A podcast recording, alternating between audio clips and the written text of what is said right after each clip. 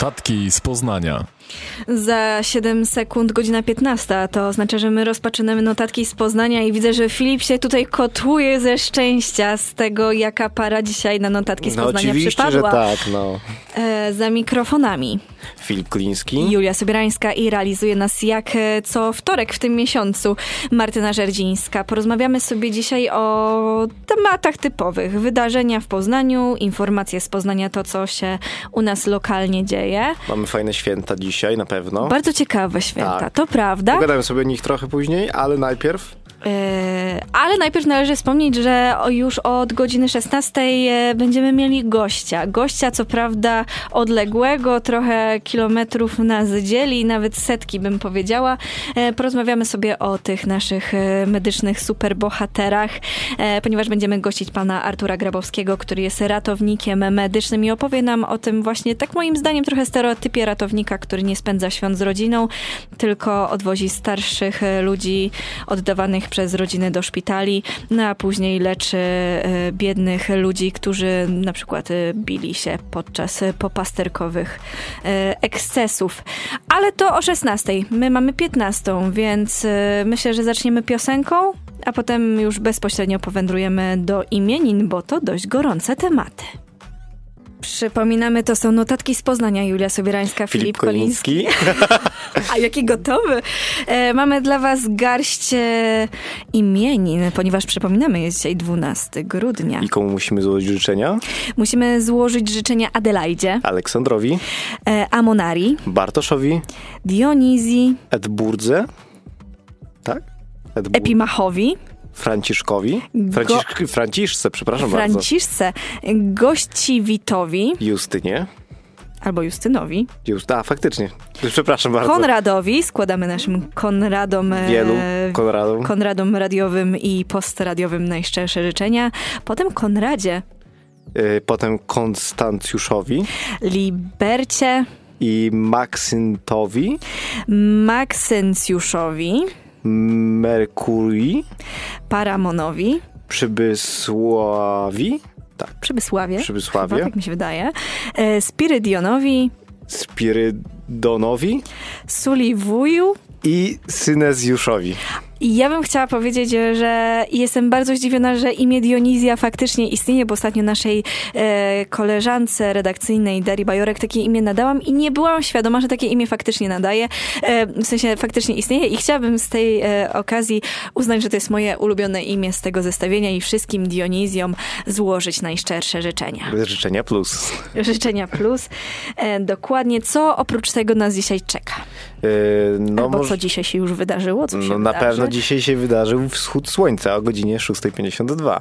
E, Wschodu możemy, przepraszam, zachodu możemy spodziewać się o godzinie 15.25, e, czyli dosłownie za 19 minut. Z każdym dniem jest, jest gorzej. Jest coraz później. Wczoraj było jeszcze tak względnie, tak w pół do? Nie wiem, chyba też Ale tak pogoda 25. ogólnie mi się wydaje, że dzisiaj jest w miarę w porządku. Nie jest tak za zimno, można przejść się bez czapki i nie odmarną wam uszy na, i nie zrobią się fioletowe, więc jest w miarę w miarę. Ja osobiście preferuję czapkę zawsze mieć ze sobą. E, I jeżeli miałabym określić dzisiejszy dniem, dzień cytatem, to znaleźliśmy z Filipem wam cytat dnia, który brzmi Radość wielkim jest mędrcem, bo radość stworzyła słońce i świat. Smutek niczego nie urodzi. Czy wiemy, jaki jest autor tego cytatu? Eee, gdzieś był. Więc uznajmy, że dla nas jest to autor nieznany. No i co? Zaraz e, za... Proponujemy Wam e, naszą pogadankę na temat e, świąt nietypowych, ponieważ są faktycznie bardzo nietypowe. No ale tutaj Martyna już się grzeje do tego, żeby zapodać nam kolejny utwór. Nietypowe święta. Typowe W święta. notatkach z Poznania. Eee, zaczynamy od Dnia Guzika. No co tam masz o tych guzikach? E, moi drodzy, moi drodzy, moja droga Julio, moja droga Martyno, czy wiecie jaki był rekord świata, jeśli chodzi o największy obrazek z y, szanownych guzików? Osiem. E, blisko. 1258. E, możliwe. Ale, bo mnie zaskoczyłaś tą odpowiedzią. E, nie, więcej. No to nie wiem. Milion 19 078 guziczków. Ej, to blisko byłam. Blisko. Ty zabrakło co prawda kilka zer, więc kilkanaście razy mniej było, a w granicach normy. Okej, okay, powiedz mi, co zobrazowano za pomocą tych Zobrazowano w, w Dubaju zobrazowano dla ucz, uczczenia pokoju y, znak pokoju międzynarodowy, czyli gołębia. Wcześniejszy rekord należał do jednej z indyjskich szkół, która, żeby zaznaczyć e, walkę o planetę i o przeciwko globalnemu, o globalnemu ociepleniu, stworzono też obrazek, który wtedy liczył 900 tysięcy guzików i przedstawiał napis Prevent Global Warming razem z e, Ziemią. Ja bym w ogóle też jeszcze zaczęła od tego, czym w ogóle guziki są, bo może nasze, Może ktoś nie wie, czym nasi, są guziki. Nasi Gen Z słuchacze może już używają Boże. tylko zamków błyskawicznych. Gen Z? O, oczywiście. E, guziki. Element garderoby, na którym zwykle my nie zwracamy uwagi na niego zazwyczaj, ale jak ich zabraknie, to już nie jest zbyt ciekawie. I Dzień Guzika możemy nie tylko e, ubrać bluzkę zapinaną w ten sposób, ale także wymyślić gry dla starszych dzieci z kolorowymi guzikami w roli głównej. Czy masz na sobie guziki dzisiaj? Eee, mam jeden przy spodniach. Ja... Dwa guziczki. Tylko? Mm, no i w spodniach oczywiście. Czyli razem trzy. Zaawansowana matematyka. Oczywiście. Dzisiaj w notatkach z Poznania. Czyli mamy ze sobą całe cztery guziki, ale jak szliśmy sobie tak e, przed chwilą, robiliśmy herbatkę i tak dalej i zastanawialiśmy się, czy mamy jakieś zabawne historie z guzikami? Ja, ja nie, moim zabawnym, zabawną historią z guzikami jest to, że u mojego płaszcza co chwilę uciekały mi guziki przy starym płaszczu i chodziłem jak osoba, która ma bardzo nieładny płaszcz. Bo mm. miałem tak, że miałem bardzo dużo guzików, bo miałem guziki na e, na podługości, z czego miałem dwie jakby warstwy, nie, dwa rzędy. Dwa rzędy guzików jeszcze przy rękawach i jeszcze do góry przy kołnierzu. Okay. Wszystko mi powypadało. Miałeś taką kurtkę w guzikach. Tak. I ci to y, wszystko To była, najgorsze było to, że to był płaszcz w guzikach bez guzików. Okej, okay, i mam podobną historię i tutaj pozdrawiam naszą redaktor naczelną Elizę, która mi przyniosła ostatnio guziki, żebym mogła sobie przeszyć do mojego skórzanego płaszcza, ale ja mam jeszcze jedną zabawną historię z guzikiem. Miałam jedną koleżankę, która od swojego chłopaka dostała guzik jako symbol dozgodnej miłości i rok temu wzięli ślub. O, to bardzo fajna historia. Trzymajmy kciuki, żeby każdy, kto otrzymał taki guzik, jego historia nie zakończyła się w inny sposób niż właśnie wzięciem ślubu. Oczy, oczywiście. E, ja też czekam cały czas, aż Filip e, zada mi pytanie, jaki jest mój ulubiony guzik. E, pani Julia Sobierańska, jaki jest twój ulubiony guzik? Jak wiemy z angielskiego, guzik to bottom. A moim ulubionym guzikiem, czyli bottom, jest bottom, czyli taki zwykły prostaczek z sztuki Szekspira Sen nocy letniej. Bardzo chciałam o tym wspomnieć. Dobrze, bardzo ciekawa ciekawostka. Proszę Jezus, bardzo. ciekawa ciekawostka, bardzo fajna ciekawostka. Ale jak myślisz, z czego mogą być zrobione guziki? Z drewna. Tak. Z plastiku. Tak. Ze szkła. Tak. Z metalu. Tak. Yy, a czy myślałeś... Z kamienia. Tak, a czy myślałeś na przykład o rogu bawolim? Uuu, ciekawe. Albo z y, masy perłowej. Chciała... O, y, nawet miałam takie. Przy, jednej, Miałaś taki? przy mojej koszuli na studniówce takie miałam. Okej, okay. a jaki to był w sumie koszt, tak na oko? Dro o wiele mm, podbijało to cenę koszuli? Kupiłam ją na, w second handzie, więc hmm. domyślam a, się, okay. że ona pewnie tak mogła kosztować koło 500-600 zł normalnie, ja tym ją chyba kupiłam za 15. I ostatnia ciekawostka. Istnieją także kusiki z korozo. Wiesz, co jest korozo? Czym jest korozo? Korozo to jest roślinna kość słoniowa. Roślinna. Tak, istnieje słoniowa. roślinna kość słoniowa, też się zdziwiłem. To jest wegańska kość słoniowa, moi drodzy po prostu ten świat tak pędzi i odkrywa coraz to nowsze wynalazki. Coraz nowsze że... guziki. Coraz nowsze guziki, e, że ja nie nadążam. Czy możemy zamiast powiedzieć, że sęk tkwi w tym, powiedzieć, że guzik w tym tkwi? Mm, możemy powiedzieć, że guzik nas coś obchodzi. To ej, ej, faktycznie. No i nie możemy zapominać o tym, że na szczęście przy barburce musimy złapać kominiarza za guzik i wtedy przyniesie nam to bardzo dużo szczęścia.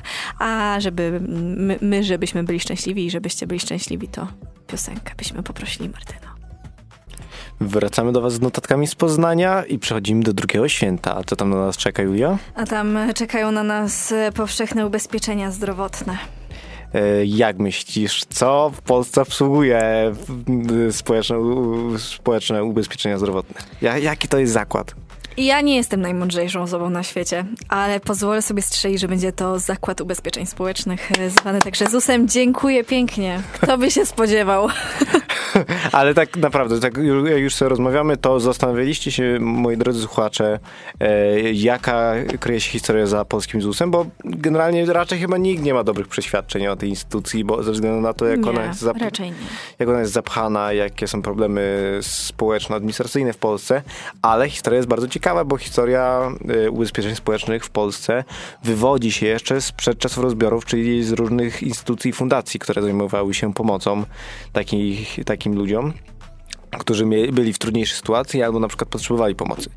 Y, ZUS w, swojej, y, w swoim wyglądzie pierwszej wersji swojej tak naprawdę wywodzi się jeszcze z drugiej, drugiej RP, kiedy to w, finalnie po 15 latach pracy nad nim w 33, e, w 34, przepraszam, e, został ustanowiony jako Zakład Ubezpieczeń Społecznych. Czy ty masz jakieś historie związane z ZUS-em? Nie mam. Nie masz? Jaką mogłabym mieć historię? No, a złamałaś kiedyś rękę? Albo złamałaś... No, tak. A dostałeś ubezpieczenie? Tak, ale... Ale prywatne czy takie publiczne? Prywatne. Okej. Okay. No to też jest... To chciałam powiedzieć, no, że mam historię, że wydarzyło mi się coś w życiu bardzo kosztownego, jeśli chodzi o ubezpieczenie i tych ubezpieczeń społecznych yy, na ówczas z rodzicami nie otrzymaliśmy, bo ja wtedy byłam małym dzieckiem. A potem otrzymaliśmy, ponieważ y, zaistniała jakaś możliwość. Ale no właśnie, to były ubezpieczenia prywatne, a nie społeczne. No tak, no bo pamiętajmy, że nie wszędzie na świecie są y, powszechne ubezpieczenia społeczne. Na przykład w takich Stanach Zjednoczonych nie ma kasy, kasy ogólnopaństwowej, tylko każdy musi zakupić własne prywatne ubezpieczenie. No właśnie, ale czy to też nie jest jakiś taki nasz privilege, nasz przywilej, że... To jest bardziej może europejski, europejska European myśl. Privilege. European... European privilege. No, bo na przykład generalnie powszechne ubezpieczenia społeczne są rozpowszechnione mm -hmm. w, w, w, w, właśnie w Europie i to jest na przykład duży plus. Wiele, wielu, zagranicz, wielu zagraniczne, wiele, wiele zagranicznych osób, które przyjeżdża do Europy mówi... Ogólnie migrantów. Tak, tak, migrantów. Też, ale i turystów. Mówi, że to jest jedna z takich rzeczy, których im brakuje. No ale zarazem też się pojawiają w samej Europie głosy, że że system prywatnych ubezpieczeń jest bardziej funkcyjny niż ten społeczny. No, to, czy to jest rozmowa na teraz?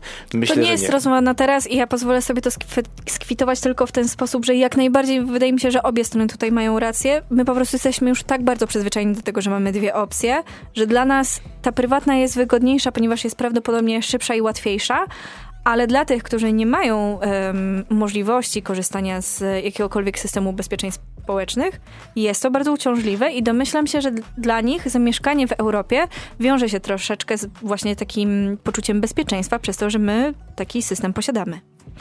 No, a co posiadamy? Posiadamy bogatą bazę muzyczną, Martyna. Mamy jeszcze inne święta. Mamy jeszcze inne święta, a jaki, ale żeby sobie o nich powiedzieć, to musimy zanim przejdziemy do naszego, mojego i Julii y, creme de la creme świętowego, to najpierw trzeba szybko sobie powiedzieć o święcie neutralności. Julia, jakie, jakie znasz państwo, które jest neutralne? Szwajcaria. Dobrze. To... Szwecja? Nie. Już nie? Ale byli swego czasu neutralni. Przynajmniej tak, tak, tak, tak, tak, dawne. Yy, to taka szybka pigułka wiedzy w Watykan. ramach... Yy, to muszę spojrzeć na mapkę, przybliżyć, przepraszam bardzo, bo jak wszyscy wiemy, Watykan jest na tyle mały, że nie zobaczę z perspektywy połowy Fair ekranu. Enough. Y, uznajmy, że możliwe, że tak jest. Okay. Ale są, są dwa kraje, z czego jeden mm wymieniłeś, który jest który jest neutralny, bo neutralność y, stałą, taką wieczystą, y, dzielimy sobie ze względu na to, że ktoś, jakiś kraj ma wpisane to w swoje prawo i na to, że jest to uznane międzynarodowo. Są takie w Europie, może Watykan też, ale w Europie są trzy kraje, które są uznane jako wieczyście neutralne ze względu na swoje prawo i ze względu na relacje międzynarodowe. Jeden to jest Szwajcaria, jeszcze są dwa. Julia, masz jakiś pomysł? Nie, przepraszam. Dobra, podpowiem. Koło Wielkiej Brytanii. Na I. Irlandia? Irlandia. Jest neutralna? No, Okej. kolorek zielony na mapie w Wikipedii, więc Okej. to oznacza. okej. I jeszcze jest jeden kraj, który są, sąsiaduje z Szwajcarią. Na A. Na A. No jakie są... Przepraszam, bo ja, ja pomyślałam o czymś kompletnie innym, więc ty powiedz, ja ci powiem, o czym automatycznie To będzie Austria. Austria po II wojnie światowej ogłosiła neutralność. I ja nie wiem, czemu pomyślałam o Luksemburgu. Przepraszam, ale ja jestem bardzo zła z geografii. Oj tam, każdemu się zdarza, ale może przejdźmy teraz do tego. Yy, że mamy kolejne święto, Tak. które chyba nas wszystkich interesuje najbardziej, bo my już czujemy ten zapach Czy yy, czujecie te pierniki, mandarynki, pierników, mandarynek, goździków, grzańców, yy, barszczu z wkład... Co? uszkami. Łóżkami. Dzień Gwiazdy Betlejemskiej. Tak. A co to jest Gwiazda Betlejemska? Tak naprawdę są trzy rzeczy, które możemy sobie opisać. No, zależy w jakiej kulturze się wychowaliśmy. Y, No bo jeżeli wychowaliśmy się w kulturze o wiele bardziej świeckiej, to dla nas Gwiazda Betlejemska jest kwiatem zazwyczaj. Tak. W sensie, no, inaczej, to pewnie każdy zna te trzy rzeczy, ale generalnie tak, kwiat. No. A jakie są, y, y, co możemy sobie powiedzieć o tym kwiecie? No na pewno dużo ciekawych rzeczy. Jest czerwony. Jest czerwony. Wygląda jak gwiazda betlejemska. No i przede Wow. wszystkim jest e, bardzo hucznie kupowany przez wszystkie e, babcie, przynajmniej u mnie w mieście, właśnie na Serio? święta, żeby przyozdobić, ale nie tylko, e, żeby przyozdobić domy, i, i przyozdabiać na przykład pomniki na cmentarzach. Moja babcia miała taką tradycję, że kupowała zawsze. A lubi, robi, lubisz szybkie strzały informacyjne? No ja To mogę- proszę, to- lubię. Punkt pierwszy. Poisencja, to znaczy Gwiazda Betlejemska, to kwiat Azteków. O, ciekawe. E, punkt drugi. Posencję odkrył ambasador USA. To, to, to, to może mniej ciekawe, ale też związane z tamtym terenem. Następnie Gwiazda Betlejemska, Gwiazdę Betlejemską spopularyzowała ti- y, telewizja. No to mogliśmy się, można się spodziewać Tak. takich rzeczy. No i może jeszcze na koniec coś ciekawego. E, tajniki uprawy Gwiazdy Betlejemskiej były przez długi czas sekretem. Ciekawe, bardzo ciekawa ciekawostka. I ciekawostka prosto za konsolety. Gwiazda Betlejemska jest trująca dla kotów. Tak? Mhm. Y, Więc jeśli macie pięknego, piękną Wszaka- kicie, Kici. piękną kicie i macie piękną gwiazdę betlejemską, to lepiej uważajcie, może to się źle skończyć. Tak, a powracając, bo musimy szybko skończyć już e, segment nietypowych świąt. Jeżeli zostaliście wychowani e, raczej w kulturze związanej z religijnością, no to wiecie, że Gwiazda Betlejemska to znak nadchodzących, nadchodzących narodzin Jezusa Chrystusa, które też my świętujemy w Boże Narodzenie, więc to się nam tak pięknie zasklepia.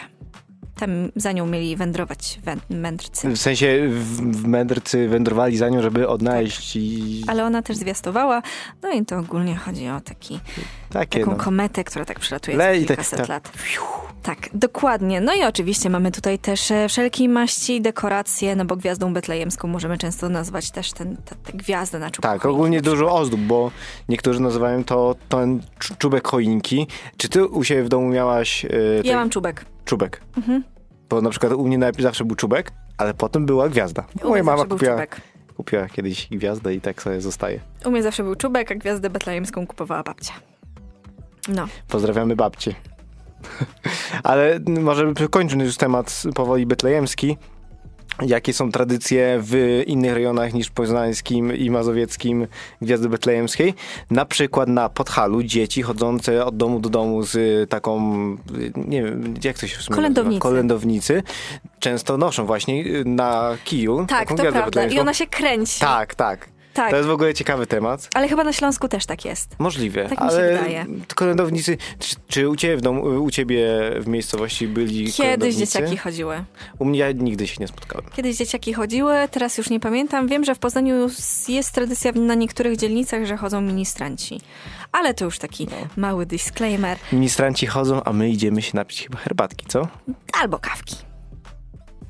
Jak to się mówi, święta, święta i po świętach. Teraz wchodzimy w tematy bardziej poznańskie, moi drodzy, w informacje, ale co może być pierwszym? Oczywiście pierwsze, co się i najważniejsze, co chyba poszło w świat z e, mikrofonów poznańskich przedstawicieli, to była to było przemówienie, przemówienie, może nie przemówienie, ale konferencja prezydenta Poznania, pana Jaśkowiaka, który w, w pierwszej części mówił, że będzie otwarta od, od nowa chyba, bo ona była wcześniej działająca, trasa tramwajowa z Kurnickiej do centrum. Ale co jeszcze tam mówili? Oprócz tego musimy cały czas przygotowywać się mentalnie na to, że Galeria Malta niestety przestaje istnieć. I musimy przygotować się na jej likwidację i o swoim stosunku do całego tego wydarzenia opowie nam e, prezydent miasta Poznania Jacek Jaśkowiak, który został nagrany przez naszą dzisiejszą reporterkę Elizę Heidenreich. Się, mnie cieszy to, bo ja już w ogóle w, wtedy, gdy pierwszy raz startowałem w wyborach, bo 9 lat temu e, wygrałem te wybory, bo właśnie teraz w niedzielę minęło 9 lat od zaprzysiężenia. E, sygnalizowałem, że galerie handlowe e, za jakiś czas będą tak naprawdę rozbierane, że tego typu formuła handlu ona w dłuższej perspektywie się nie sprawdzi.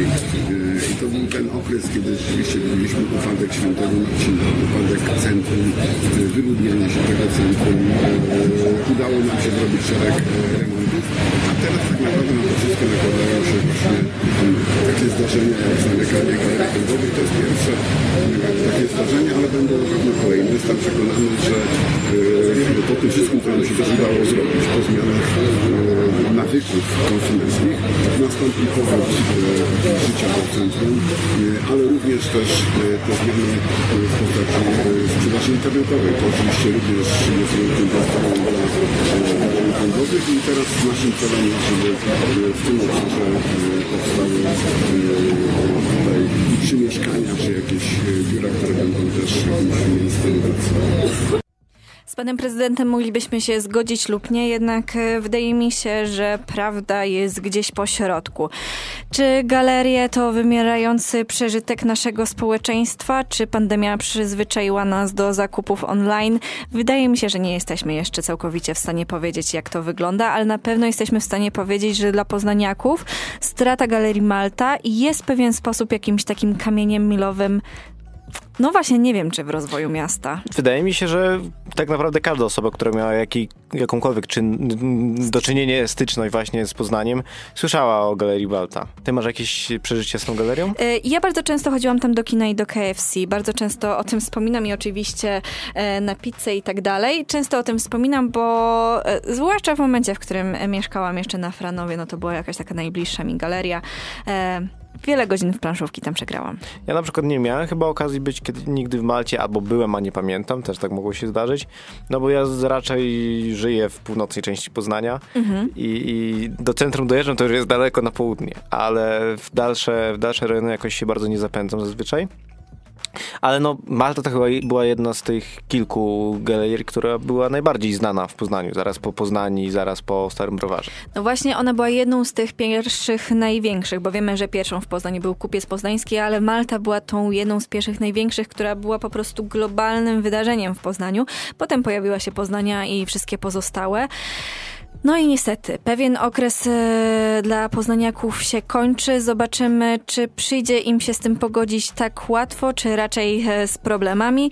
Ale chyba nie nam teraz o tym oceniać, a my mamy dla Was dalszą garść wydarzeń i informacji prosto z Poznania. No, Martyna, wiesz, co teraz powinniśmy zrobić? Poprosić o piosenkę, oczywiście, że tak. My staramy się w Radiu Meteor stale poczyniać nasze pierwsze kroki zawodowe, drogi, e, kroki rozwojowe. Oczywiście, ale jeżeli wy e, także chcielibyście wykonać ten pierwszy krok ku zawodowi, to UAM jest, y, stoi dla Was y, otworem. otworem. i wychodzi Wam naprzeciw, ponieważ e, już jutro odbędzie się od godziny 11.30 do 14.30 dzień z biurem karier UAM na Wydziale Teologicznym.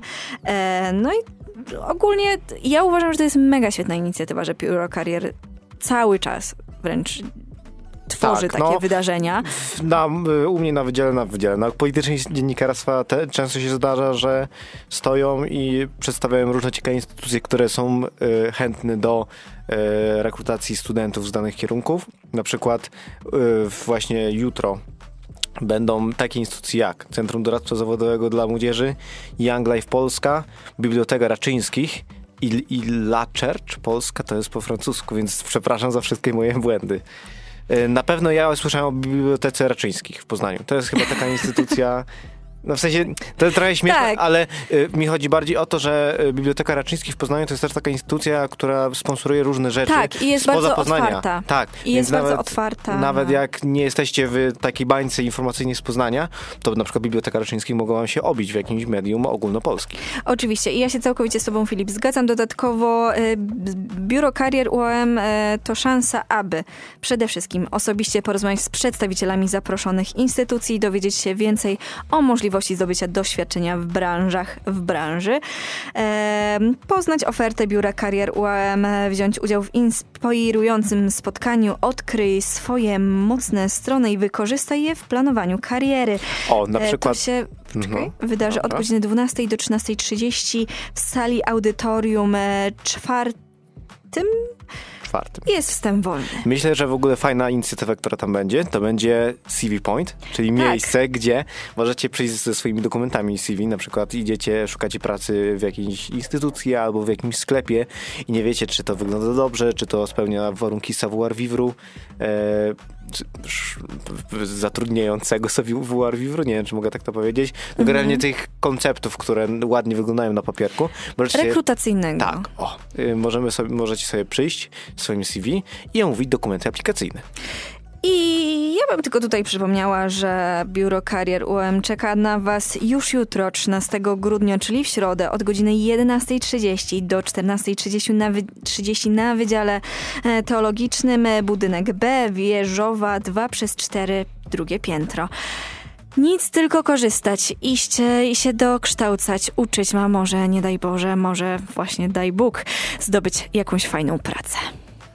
Moi drodzy, wracamy do Was z notatkami z Poznania z największym, najważniejszym newsem tego dnia. Chyba już każdy dzisiaj o tym mówił, ale o tym trzeba mówić jeszcze więcej. Więcej, więcej, więcej. Manule Magellan, nasze poznańskie dobro w naszym zoo walczy o wasze głosy, żeby stać się najważniejszym, najsławniejszym, najpiękniejszym, najsłodszym manulem na świecie, Wielki pojedynek z japońskim koturem. który ma na imię Bol. Niemcy już pokonani, więc łatwo. Oczywiście. Możecie oddawać swoje głosy na Twitterze. Jeżeli wpiszecie Manul Magellan głosowanie, to bez problemu znajdziecie e, głosowanie na Twitterze, no bo faktycznie możemy wreszcie odnieść e, koci sukces. No bo przypominamy, że Manul to takie śliczne zwierzątko, które grzeje sobie łapki ogonem, ponieważ jest bardzo sprytne i bardzo mądre.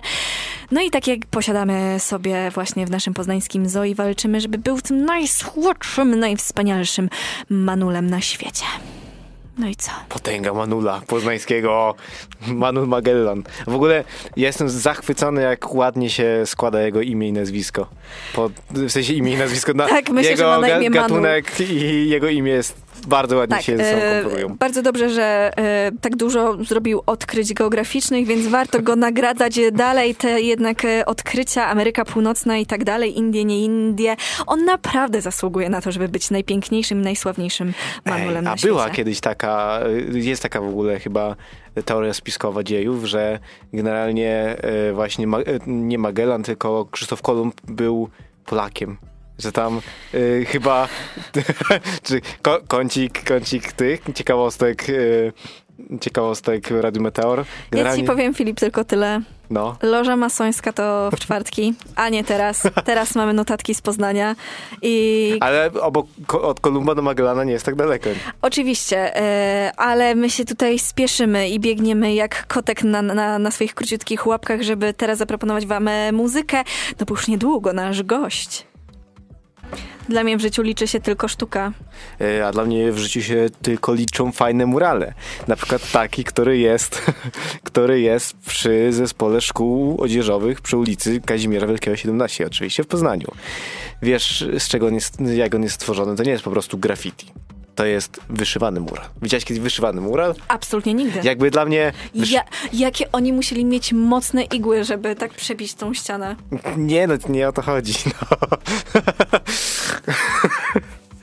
No, wracając. Y, No, generalnie no, uczniowie odzieżówki tak zwanej y, bardzo się postarali i mm, y, stworzyli plastyczną interpretację ważnego dla, swoje, dla swojego pokolenia tematu. I y, nazwę muralu chyba określono jako kontrasty. To jest bardzo ładne, on jest, on przedstawia jakby takie ludki różnokolorowe z różnymi wzorkami na sobie, które są właśnie wyszyte. I no nie wiem, dla mnie to jest taki super koncept, wyszyty mural. Jakby Tak. to, to jest ta, Ja to jest ta sama mechanika, jak na przykład masz bardzo ładny dywan na ścianie. Jakby Zgadzam się. dotykasz ten, jakby masz taki, jaki ładny obrazek i jeszcze można go dotknąć, że jest mięciutki. Jakby, no ludzi, mięciutki obraz. Totalny top, top of the top. Ja tylko dodam, że inspiracją dla całego muralu były cytaty Edwarda Stochury, nasz wybitny e, pisarz polski. Dla wszystkich starczy miejsca. Jeszcze taki ładny mural, jeszcze, taki, Jeszcze taka Edward ładna historia. No Jezus Maria. E, chyba wam proponujemy się tam wybrać, zobaczyć, bo jest naprawdę bardzo ciekawy i... I No. wygląda jak bardzo dużo i napisanych. Ale To taki, jest akurat prawda, ale jest przepiękne, wyszywane, nic więcej nam nie potrzeba, Tak. oprócz e, muzyki, ponieważ już zaraz e, będzie nasz gość.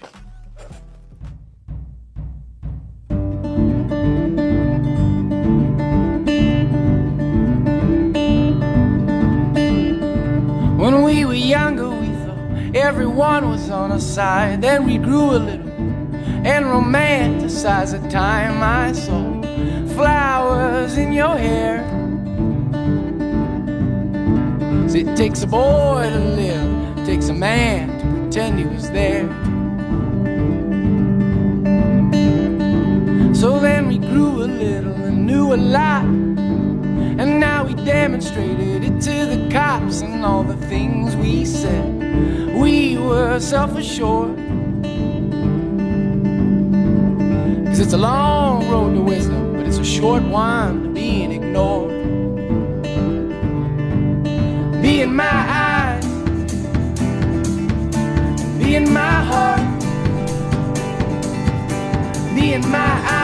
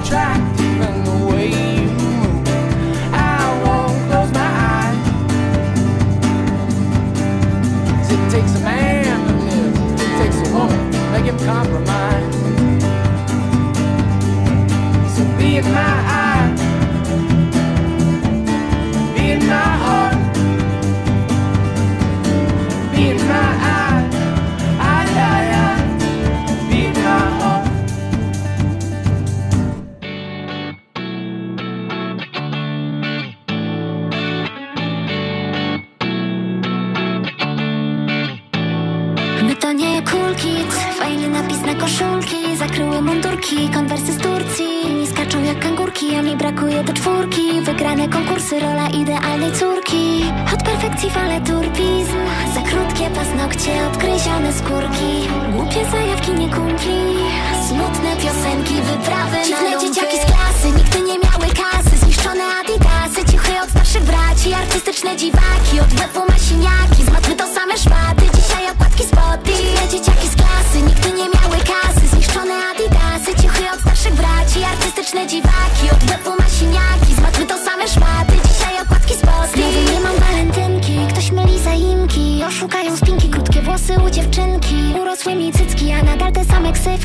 Chociaż nasze stringi, a chłopaki ścieli grzywki Ja to weirdo, 9-6 jak Windows Dzwonki słane eardo, selfie to kamerą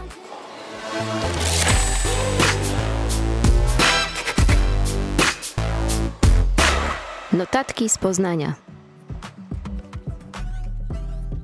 Minęła godzina 16, a nam mikrofony chwilkę nie działały. To oznacza, że mamy ze sobą naszego gościa. Jest z nami pan Artur. Dzień dobry. Dzień dobry, witam serdecznie wszystkich słuchaczy, witam panią. Y, Tak, no y, i warto wspomnieć, dlaczego mamy ze sobą pana Artura, ponieważ y, my tak trochę chcemy teraz rozmawiać o świętach w tych notatkach z Poznania, no ale ile można gadać o świętach? Jakie święta są takie, każdy je widzi i takie je każdy obchodzi? A my dzisiaj chcieliśmy z Filipem porozmawiać o tym, jak wyglądają święta z perspektywy ludzi w święta pracujących. No bo taki mamy trochę stereotyp, że ratownicy medyczni, ponieważ pan Artur jest ratownikiem medycznym, to taka grupa zawodowa, która raczej świąt z rodziną nie spędza. Czy to prawda? No, dokładnie tak. No, jest to taki zawód, gdzie święta niektórzy ratownicy medyczni spędzają w pracy na dyżurach.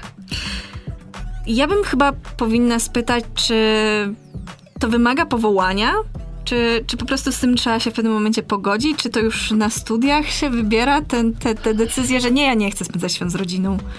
Yy, Wie pani co, bo tak z tym powołaniem to taka kwestia dyskusyjna, bo ja zawsze, moja teoria na temat powołania to jest taka, że wydaje mi się, że powołanie to, to jest coś takiego jak czyste sumienie, więc jeżeli ktoś wykonuje jakiś zawód, jakąś czynność, e, a ma gdzieś tam to czyste sumienie i wykonuje to z czystym sumieniem, to znaczy, że wykonuje to dobrze. Więc wydaje mi się, że wybierając no, kierunek medyczny albo jakikolwiek inny kierunek, w którym trzeba no, pracować w dni również świąteczne, no to musi zdawać sobie z tego sprawę, e, jak wygląda ta sytuacja. I gdzieś tam e, w tej głowie musi mieć tą, to poświęcenie zakodowane, że no, jest to obowiązek pracy również w święta i w inne, inne dni powszednie tak samo. Yy, To może takie, pyta- może takie pytanie w tym kontekście. Jak bardzo potęguje problem właśnie potrzeby pracy w świętach to, że, jest ba- że brakuje właśnie ratowników i ogólnie służby medycznej?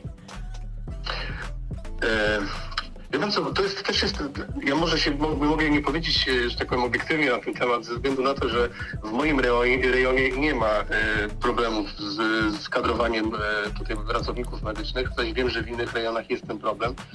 I stanowi to olbrzymi problem, jeżeli chodzi o system ochrony zdrowia w Polsce i w tym właśnie ratownictwie medycznym.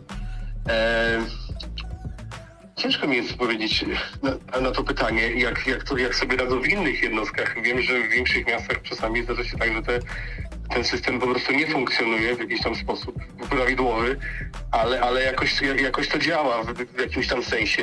No, mi ciężko jest obiektywnie powiedzieć, bo u nas, że tak powiem, jest to służba, która funkcjonuje 24 na dobę, 7 dni w tygodniu i my nie mamy żadnych przerw. No, że tak powiem, każdy ma w głowie, każdy ratownik medyczny pracujący u nas ma w głowie to, że e, święta lub jakiś inny dzień, czy to wakacje, czy to są święta wielkanocne, e, no zdarzy się tak, że będzie pracował i, i nie ma tutaj dyskusji. No to chyba wypadałoby też e, spytać, jak wyglądają takie dyżury świąteczne. Czy są jakieś wigilie na dyżurach? Może jakaś ryba po grecku albo bigos jest jedzony między wyjazdami? E, raczej tak, no. E, Wie Państwo, co, święta to są wyjątkowe święta. Święta Bożego Narodzenia są to wyjątkowe święta, które kojarzą nam się z kolacją wigilijną, z radością, z jakąś wspólnotą. E, Gdzieś tam ten smutek powinien odejść na bok e, i zarówno gdzieś tam w gronie rodzinnym to jest oczywiste, że każdy chciałby spędzić te święta e, w zdrowiu i radości. Weź, no, pełniąc dyżur jako ratownik medyczny, bądź też no, jakakolwiek inna osoba, która musi pracować w święta, gdzieś tam stara się tą tradycję zachować. I tak samo mm, ratownicy medyczni należy pamiętać o tym, że jest to zespół e, i raczej tak, jest tam gdzieś ten wspólny, wspólne tradycyjne podzielenie się opłatkiem, jakieś tam wspólne życzenia, e, jakaś, jakaś wspólna potrawa, no tak, żeby zachować chociaż jakiś tam fragment e, tej tradycji naszej, tak. Jest to moim zdaniem bardzo pokrzepiające, że, Tak, że nawet w tych najtrudniejszych chwilach chociaż jest. ta wspólnota Tak, przede tak. wszystkim. E, I my na razie w tych bardzo pozytywnych momentach e, świąt ratownikowych zostaniemy. Poprosimy naszą realizatorkę o piosenkę i usłyszymy się już po tej muzycznej przerwie. Wracamy do Was z wtorkowym wydaniem Notatek z Poznania. I takie pytanie do Pana, Panie Arturze. Jakie sytuacje y, są w okresie świątecznym częstsze niż w normalne dni? Jakie wyjazdy do jakich sytuacji? Znaczy, należałoby przyjąć taką regułę, że mm, w każdym powszednim dniu, e, kiedy się rozpoczyna dyżur, to tak naprawdę no, nikt nie jest w stanie e, ocenić, co go czeka, jaki scenariusz. Nie da się tego scenariusza przewidzieć. Natomiast gdzieś tutaj w okresie właśnie około świątecznym, świątecznym, poświątecznym Em, No, bardziej tak do przewidzenia takim scenariuszem jest, y, są zatrucia po prostu. Zatrucia pokarmowe, zatrucia alkoholowe. Y, w ten sposób właśnie te, tego typu. No i też na pewno mm, wydaje mi się, że ten utrudniony charakter dostępu nawet do po- podstawowej opieki zdrowotnej, przez co no, jest to okres świąteczny, e, no ludzie bardziej e, wzywają karetkę, no ze względu na to, że gdzieś tam mają ten niepokój wewnątrz i, i, i, no, i przyjeżdżamy do takich osób. Niekoniecznie musi to być jakaś sytuacja poważna dla nas, Zaś no, ta osoba ma e, gdzieś tam obawę o stan, swój stan zdrowia. No i, i, i, mamy, że tak powiem, mamy pomieszane te wyjazdy z takimi właśnie zatruciami i oraz takimi bardziej błahymi przypadkami, no, na które też jeździmy, no i bo to jest to nasz obowiązek po prostu. No właśnie też chciałam o te błahe powody, bł- błahe wezwania spytać, no bo to tak trochę nam się wydaje, tak też przez nagonkę medialną, że często się mówi, że jeżeli boli cię brzuch święta, to lepiej jedź na NPL, w sensie nocną pomoc lekarską, e, niż dzwonić po karetkę i byłam ciekawa tak statystycznie, może nie z jakichś konkretnie prowadzonych statystyk, ale tak z doświadczenia, czy, czy to faktycznie jest prawda, że, że ludzie już się tak trochę w te święta rozleniwiają? Mhm. Że tak powiem, no, rzeczywiście mogę to powiedzieć raczej z własnego doświadczenia, bo e, no, co do zasady jakichś statystyk, no to nie, nie mamy jakiegoś takiego źródła, e, żeby to po prostu powiedzieć. Natomiast e, no, no tak, no, jest, jest dużo błahych powodów, dużo błahych wyjazdów, tylko to też należy pamiętać, że ten błahy powód, ten błahy wyjazd dopiero nam się wyjaśnia w momencie, kiedy jesteśmy u tego pacjenta, bo gdzieś tam z tyłu głowy my zawsze wiemy, że bolący brzuch może być jakimś tam markującym objawem czegoś innego, bardziej poważnego. Boląca głowa również może być objawem e, markującym czegoś tam. E, dlatego no, dopiero w momencie, kiedy jesteśmy na, na miejscu zdarzenia, jesteśmy w stanie ocenić, e, jak to wygląda. No tutaj też jakby mm, tą podstawową pierwszą zaporą e, jest dyspozytor, który przyjmuje ten wyjazd y, i który analizuje em, ten wyjazd i mógłby rzeczywiście posiłkować się nocną pomocą lekarską e, i, i, i skierować tego pacjenta do nocnej pomocy lekarskiej, no ale nie zawsze tak to działa. E, Ciężko mi jest ocenić, z jakiego powodu to jest, y, że, że dyspozytor nie, nie infiltruje tak tych y, wyjazdów. No, my zaś, że tak powiem, nie mamy prawa, nie możemy odmówić. Naszym obowiązkiem jest jechać do tego pacjenta, zbadać go i do te, dopiero ocenić, jak wygląda sytuacja. I z własnej perspektywy, z własnego doświadczenia mogę powiedzieć, że bardzo dużo jest błahych wyjazdów dla nas. W No sensie nie- dla nas jako nie powinny być one, e, że tak powiem, realizowane przez y, system ratownictwa medycznego. Oczywiście, no wszyscy wiemy, że, że chyba takie postulowanie, żeby faktycznie do błahych e, powodów e, nie wzywać pogotowia, straży pożarnej i policji, to raczej powinna być e, wiedza taka ogólna, ale przypominać zawsze warto, nigdy nie będzie tego zbyt wiele, bo faktycznie może wydarzyć się coś o wiele bardziej poważnego w danym momencie i dana jednostka wtedy nie będzie e, mogła przyjechać na czas albo przyjechać w ogóle. No i niestety musimy dotrwać do tego chyba najsmutniejszego pytania. W mediach, e, jak zaczynają się ogólnie święta, zaczyna się okres świąteczny, no to mamy bardzo dużo tych e, reklam, które mówią nam, jak zachowywać się przy rodzinnym stole, ale mamy też takie mm, akcje, które promują nam e, to, żeby nie zostawiać naszych seniorów, babci, dziadków i ogólnie osób starszych z naszych rodzin w szpitalach. I czasem warto się zastanowić, czy to naprawdę jest prawda i czy ten problem faktycznie istnieje, czy ludzie decydują się na to, żeby pozbyć się takiego przysłowiowego, obrzydliwego e, bagażu, problemu, e, jakim mogą być osoby starsze w święta i zostawiają ich w szpitalach na przykład. Czy, czy ratownicy to zauważają? Znaczy tutaj to też właśnie to pytanie y, idealnie należałoby zadać jakiejś, jakiejś osoby z personelu medycznego, która pracuje w szpitalu, ale mm, mogę powiedzieć, że tak powiem, własną opinię, którą można zaobserwować w- tutaj w systemie ratownictwa medycznego, gdzie, gdzie my funkcjonujemy. I rzeczywiście no, jest taka moda właśnie w okresie okołoświątecznym z reguły, że no, rodziny przyjeżdżając na przykład w odwiedziny do babci, do dziadka, do mamy starszej, do taty, no, widzą jakieś takie niepokojące objawy. I, i, i- zgłaszają te objawy, że tak powiem, no, dzwoniąc na numer alarmowy. Mm, I rzeczywiście my zabieramy tego pacjenta, bo no, no, no jest, no, no, no mamy taki obowiązek, musimy to zrobić. I, I te osoby często i gęsto spędzają te święta e, w szpitalnych oddziałach.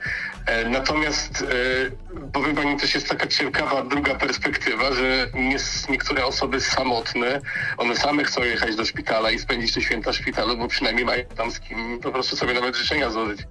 E, To też tak wygląda. Dlatego ciężko mi jest tutaj e, po, powiedzieć jakiś taki złoty środek na to wszystko. No jest taka moda rzeczywiście e, z, z, zostawianiem bliskich w szpitalu i czasami jest to jakiś tam powód no taki, że no, gdzieś tam jakaś osoba ma problem z głowy. Ale i są takie osoby, które same chcą po prostu spędzić ten dzie- dzień w szpitalu, bo wiedzą, że tam mogą do kogoś się odezwać po prostu i ten czas jakoś, ten dzień wspólny jakoś minie. Mhm. No, niestety, można było się domyślać, że odpowiedź będzie wyglądała w ten sposób. Ja bym zaproponowała, żebyśmy jeszcze na chwilę posłuchali e, muzyki, a potem wrócimy i już porozmawiamy o tym, co po tych świętach. Tak już doraźnie, co się dzieje, bo wszyscy wiemy, jak pasterki się kończą. Dobra, my wracamy z kolejnym. Czy ty masz jakieś pytanie, bo ty się tak E, No ja w sumie mam takie pytanie, e, jak już gadamy sobie właśnie o tym, o takich może też czasami błahych zawiadomieniach.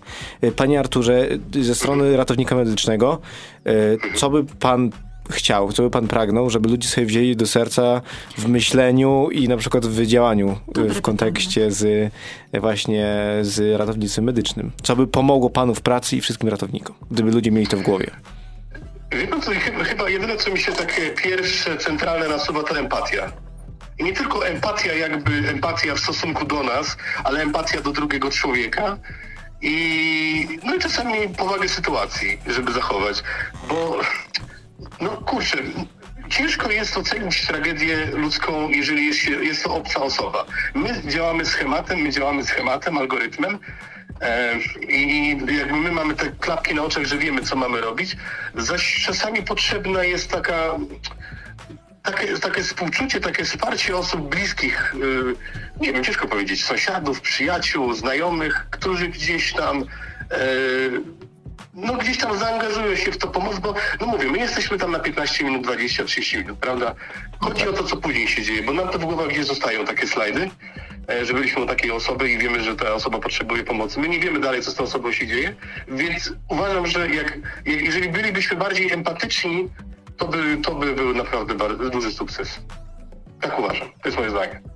Ogólnie to jest takie zdanie, które chyba powinno przyświecać nawet nie tylko w ratownictwie medycznym, ale wiadomo, to już jest kompletnie inny aspekt, ale ogólnie nam na co dzień. Jest to takie świąteczne w ogóle zdanie. Tak, bardzo świąteczny temat, ale nawet jak patrzymy sobie czasami na doniesienie medialne, że na przykład ktoś atakuje albo karetkę, albo na przykład ktoś, y, na przykład y, ratownika, który pomaga komuś, albo na przykład ratuje po prostu osobę i często właśnie brakuje na empatii z tyłu głowy.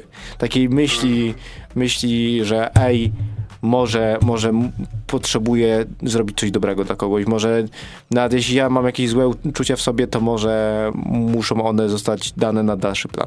Tak, ale nawet jak oglądamy chociażby jakiś stop ham na TikToku albo na YouTubie, no to sam robienie korytarza życia to też jest w ogóle ogrom Aczkolwiek empatii. Trzeba przyznać, że bardzo dużo się poprawiło, yy, jeżeli chodzi o stosowanie korytarza. E, I, i, I no tak, przede wszystkim o to chodzi. Jeżeli chodzi o tutaj kulturę jazdy kierowców, to bardzo dużo się poprawiło. Nie wiem, dla mnie może to jest trochę może nie za zabawny wątek, ale to jest dla mnie jakieś przeświadczenie i co mówi dużo o człowieku, że jak już przejedzie karetka y, właśnie korytarzem życia, to znajdują się naprawdę i to bardzo często osoby, które to wykorzystują i także jadą tym korytarzem Tak, życia. zwłaszcza taksówkarze. No, może nikt. Ja na przykład z, mi się zdarza na przykład w Poznaniu, że widzę, jak ktoś bogatym autem niemieckiej produkcji tak robi, ale no po prostu, ale po prostu, no, sama kwestia wykorzystywania takich rzeczy, nie? Jakby też zachowajmy jakąś solidarność w stosunkach tak, międzyludzkich. to prawda. Tak, no a, a podczas przyjazdów to już w ogóle. Jak wspomniałam przed przerwą, musimy też porozmawiać, e, bo, bo o tym, co się dzieje w święta już wiemy. E, wiemy, że przypadki mogą być różne, od tych błahych do tych e, naprawdę poważnych, a jak zima jest śnieżna, to już w ogóle wszystkie złamania i wypadki e, prawdopodobnie są na porządku dziennym, więc domyślam się, że ratownicy wolą święta bez śniegu. Tak po prostu zgaduję. E, Ale warto wspomnieć też co po świętach, bo młodzież na przykład w małych miastach, ja jestem z małego miasta, nie wiem jak ty Filip, 20 tysięcy osób, ale wcześniej 5 tysięcy, bo w sumie w No to dwóch miejscowości, no, no to w sumie jak w, w przasnysz. miarę, w miarę mało, w miarę No to miało. w sumie jak przasnysz, e, my tutaj, może pora się wreszcie przyznać, z panem Arturem z jednego okręgu, Tak? E, więc my trochę mamy świadomość, że w małych miastach święta łączą się też z imprezami. E, Z bardzo hucznymi pasterkami, no i przede wszystkim e, z tym, że życie towarzyskie drugiego dnia świąt zaczyna kwitnąć. I ja tutaj bym na samym początku chciała spytać, czy faktycznie raczej takie przypadki wypadkowo-ortopedyczne wydarzają się o wiele częściej już po świętach i czy jest jakaś taka zasada, że po świętach tych wy- wyjazdów macie więcej jako ratownicy? Znaczy, jeżeli chodzi o właśnie ten okres i nawet poświąteczny, to rzeczywiście mamy gdzieś tam cały czas z tyłu głowy, że e, z doświadczenia wiemy, że wydarzy się pewien scenariusz albo lub jakiś scenariusz, który e, no ciężko byłoby przewidzieć, a, a jest taki, który możemy go zapamiętać na bardzo długo. I raczej byłoby dla nas zaskoczeniem to, gdyby się nic nie wydarzyło. I tak ciężko mi jest y, powiedzieć jednoznacznie, że jest więcej takich, takich czy takich przypadków, bo, bo są naprawdę przypadki bardzo różne. Jeżeli chodzi tutaj o rozwagę i o umiar, no to rzeczywiście w okresie no, poświątecznym, gdzie jest ta długa przerwa, można powiedzieć, e, świąteczna, no to gdzieś tam ktoś czuje ten obowiązek albo czuje tą, tą potrzebę po prostu, żeby opuścić z siebie, upuścić z siebie emocje i czasami no, gdzieś tam bez tej ogłady robi to i, i tak no. My jedziemy do takiego pacjenta i również musimy go z jakiegoś tam powodu ratować, bo, bo no, z czymś tam przesadził. No, jest to, że tak powiem, wpisane w nasze ryzyko działań i, i takie sytuacje się zdarzają i nie jest to dla nas jakimś tam zaskoczeniem. No ale, ale ciężko mi jest powiedzieć, co jest częściej, czy jest jakieś zatrucie, czy jest bardziej jakaś sytuacja e, ortopedyczna, bo to naprawdę e, różnie, różnie się zdarza. E, wiadomo, no ogólnie to jest praca pełna zaskoczeń, no bo wiem, że są wyjazdy, kiedy, w sensie są dyżury, w których nie ma wyjazdów i są dyżury, w których e, no dosłownie prawie, że nie wracacie na stację, może tam jakieś papiery podpisać. Na stację w sensie na miejsce zbiórek. nie? Wyczekiwania, tak Tak, oczekiwania. Tak, mają, tak. Ja, ja ci to potem wytłumaczę. E, Wracając, ale to jak już mówimy o tym okresie poświątecznym, to ja muszę spytać, że no bo święta, święta i po świętach, a potem mamy Sylwestra. Czy Sylwester jest faktycznie najbardziej gorącym e, dla was ratowników medycznych dniem w roku, jeśli chodzi o wyjazdy? Kurczę, ciężko tak powiedzieć, ale y, wydaje mi się, że, że tak z perspektywy własnego doświadczenia i odkąd ja pracuję, to rzeczywiście Sylwester jest wyjątkowym czasem, że coś się takiego wytworzy, co, co że tak powiem, można przewidzieć, że gdzieś tam komuś wystrzeli petarda po prostu, bo ktoś chciał z ręki sobie puścić petardę. E, i, I takie sytuacje się zdarzają. Zdarzają się również pożary, w których osoby są poszkodowane.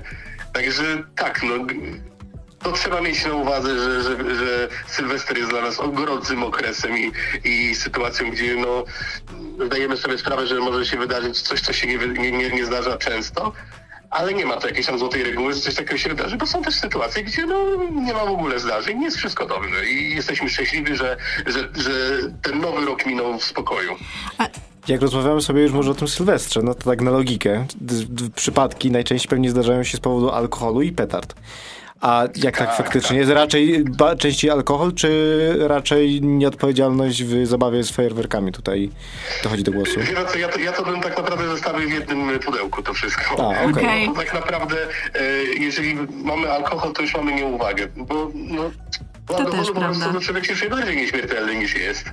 I, I gdzieś tam te pomysły przychodzą e, do głowy, no na trzeźwo, że tak powiem, ten, ten pomysł nie przeszedł, ale już po alkoholu gdzieś tam ten pomysł się przewinął i okazał się być bardzo na przykład ciekawy i niekoniecznie w efekcie jest fajny. E, natomiast e, no cóż, no. Nie, nie wiem, co, co, co, coś więcej powiedzieć. No, Że tak powiem, po alkoholu y, brak jest gdzieś tam tych y, hamulców, tych ograniczników I, i, i no, najczęściej te sytuacje takie, które ciężko, e, które, które no, najczęściej wydarzają się też tragicznie, z takim efektem tragicznym, no to zdarzają się właśnie po alkoholu. Oczywiście.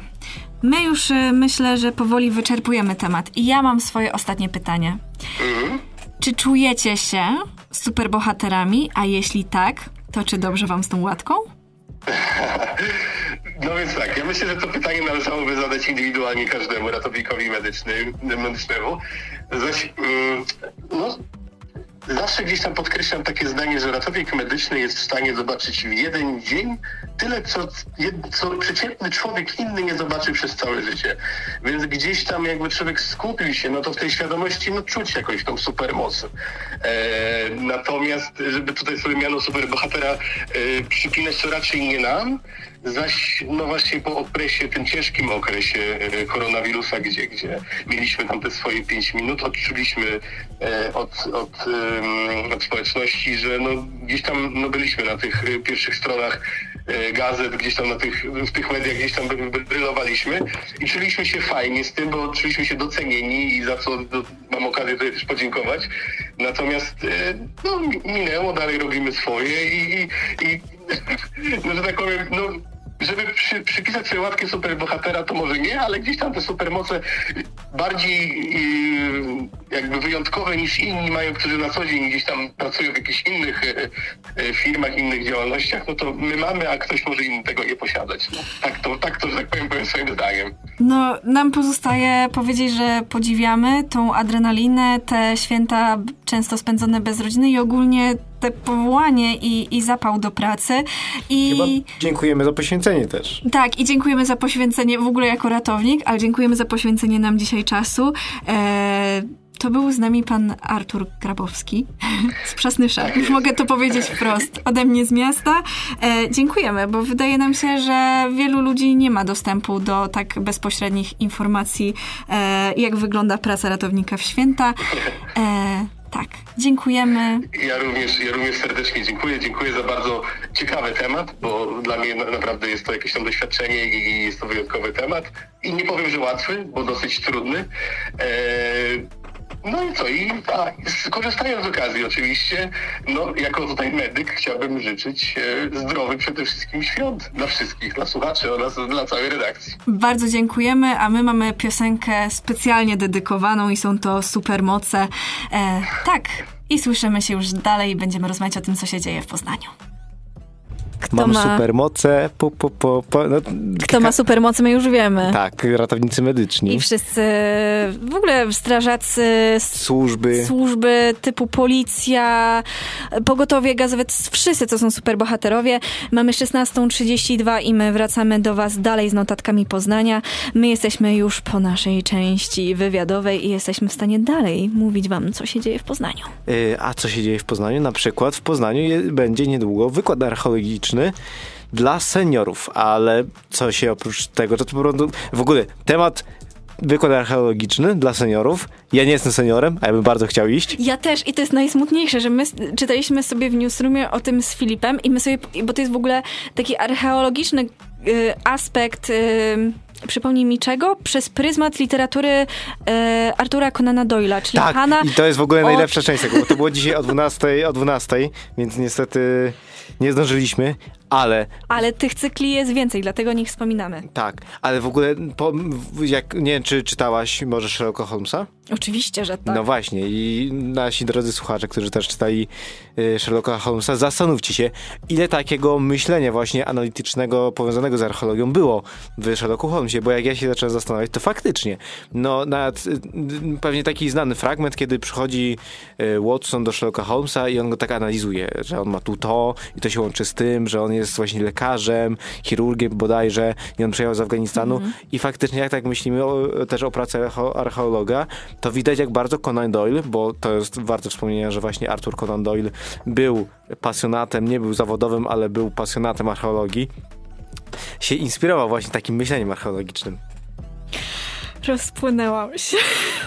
Ale wspominamy wam o tym wydarzeniu, które co prawda już się wydarzyło, ale warto sprawdzać przede wszystkim e, e, Bibliotekę Raczyńskich i Centrum Kultury Zamek, ponieważ takich wykładów w Poznaniu mamy w najbliższym czasie od groma i jeszcze więcej, bym Taki powiedziała. off-top, no strasznie dużo takich wydarzeń. I właśnie. wszystko dla seniorów i my nie możemy tam Czasami iść. dla studentów jest, ale to są jakieś nuty. My już sobie tak całkowicie poważnie mówiąc e, z Filipem zaplanowaliśmy, że ja mam znajomych z charakteryzacji, oni nas ucharakteryzują na ludzi w podeszłym wieku i my się na takie wykłady wybierzemy. Oczywiście do takiego oszustwa was nie zachęcamy, ale może jeżeli chcecie, żeby wasi dziadkowie poszli, a potem wam opowiedzieli, co było, no to come on, zapraszać, polecać. Super, że jest, tak, że, że, że jest tak bardzo szeroka gama wykładów. No i trzeba się cieszyć, że jest coraz więcej jakichś wydarzeń dla seniorów, no bo może jak my dojdziemy do emerytury i będziemy mieli dwa złote nagłówki, to może przejdziemy się chociaż na jakiś darmowy, piękny wykład. O archeologii związaną, związany, o temacie archeologii w książkach, książkach Artura Conana Doyle'a. Tak, y, teraz my poprosimy o piosenkę i zobaczycie, co tam nowego w Poznaniu się jeszcze dzieje, a dzieje się, oj się dzieje. Notatki z Poznania 12, 12, 2023, jeszcze 2023. Co się dzieje w Poznaniu? W Poznaniu dzieją się nowe rzeczy, ponieważ wreszcie, mm, no może nie wreszcie, ale miasto kupuje nowe parkomaty i najważniejsze, w większości z nich nie zapłacimy już gotówką. Mhm. W większości do tej pory mieliśmy problem, żeby zapłacić kartą, a teraz większości z nich zapłacimy tylko kartą. To jest naprawdę duże wydarzenie dla poznaniaków.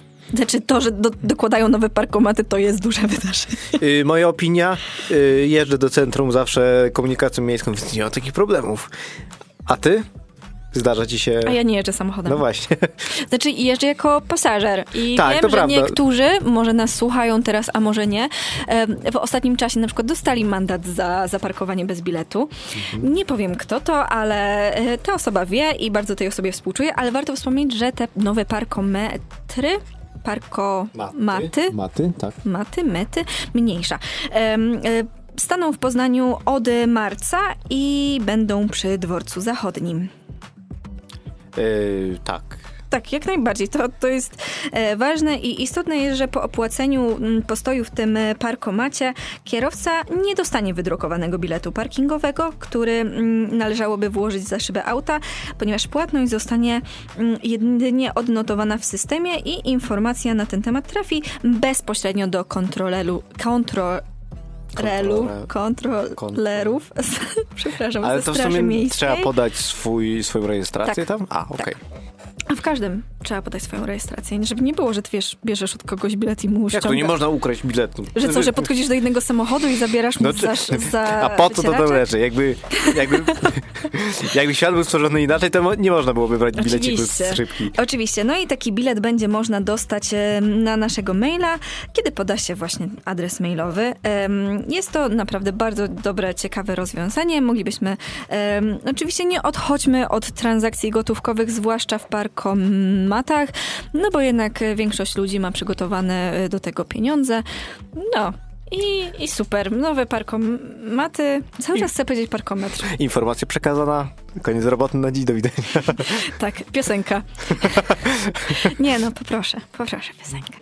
Wracamy do was z notatkami z Poznania w ten e, wtorkowy już chyba możemy powiedzieć wieczór, tak Julia?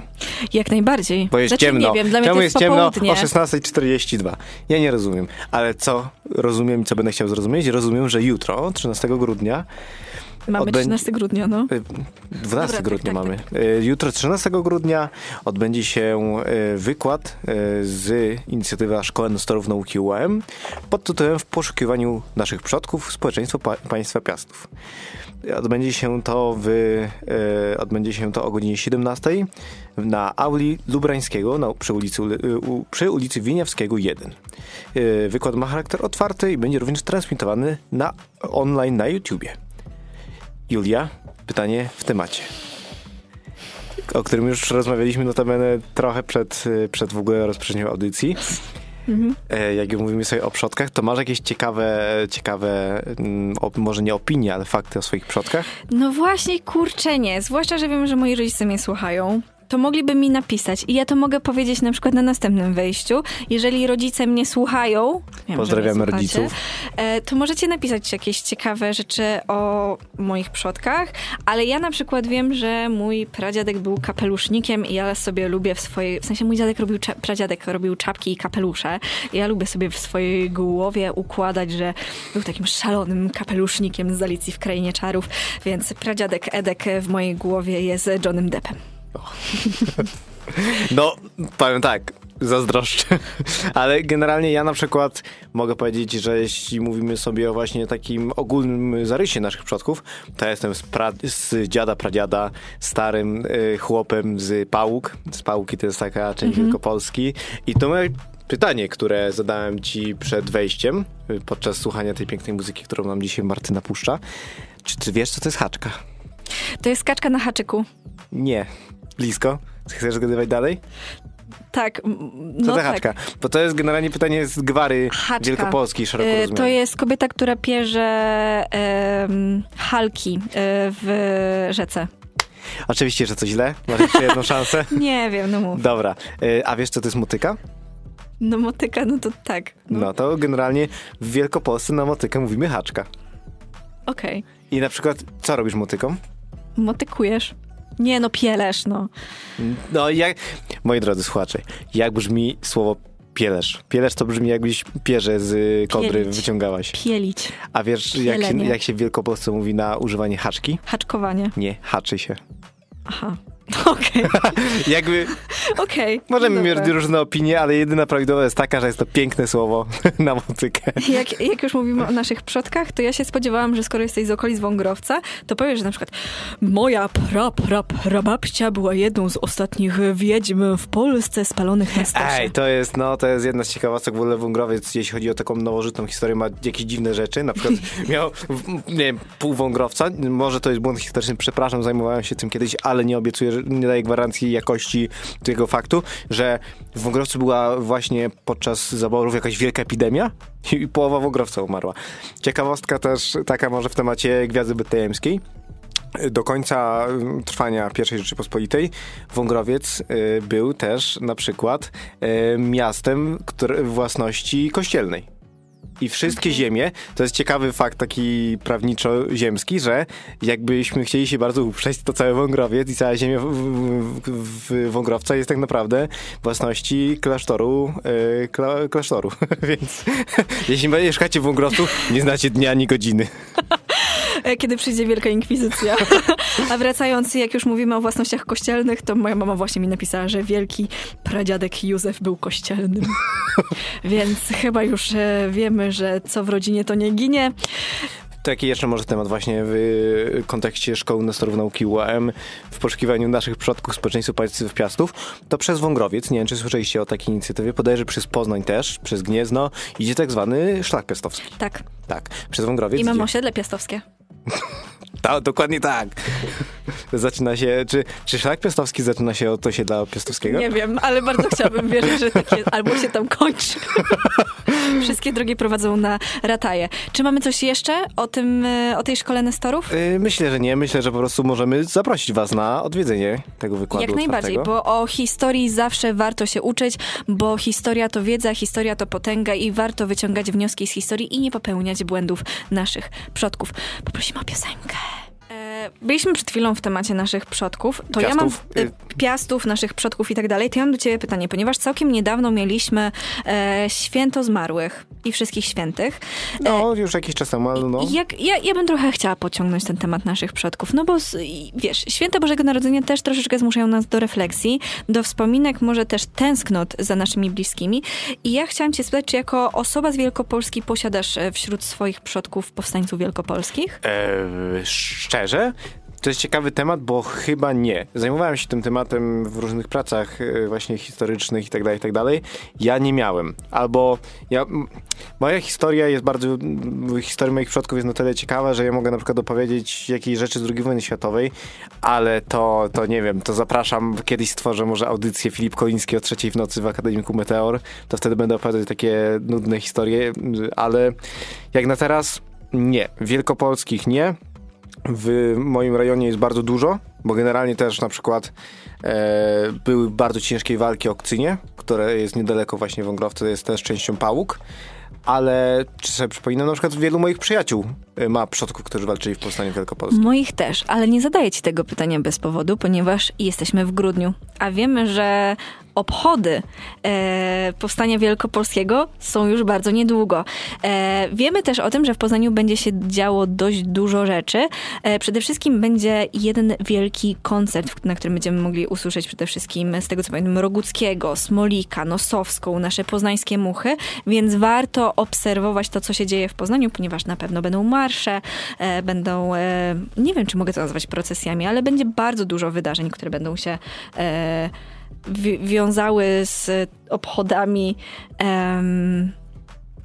kolejnej rocznicy Powstania Wielkopolskiego. I muszę ciebie spytać jako Wielkopolanina, czy wy obchodzicie hucznie?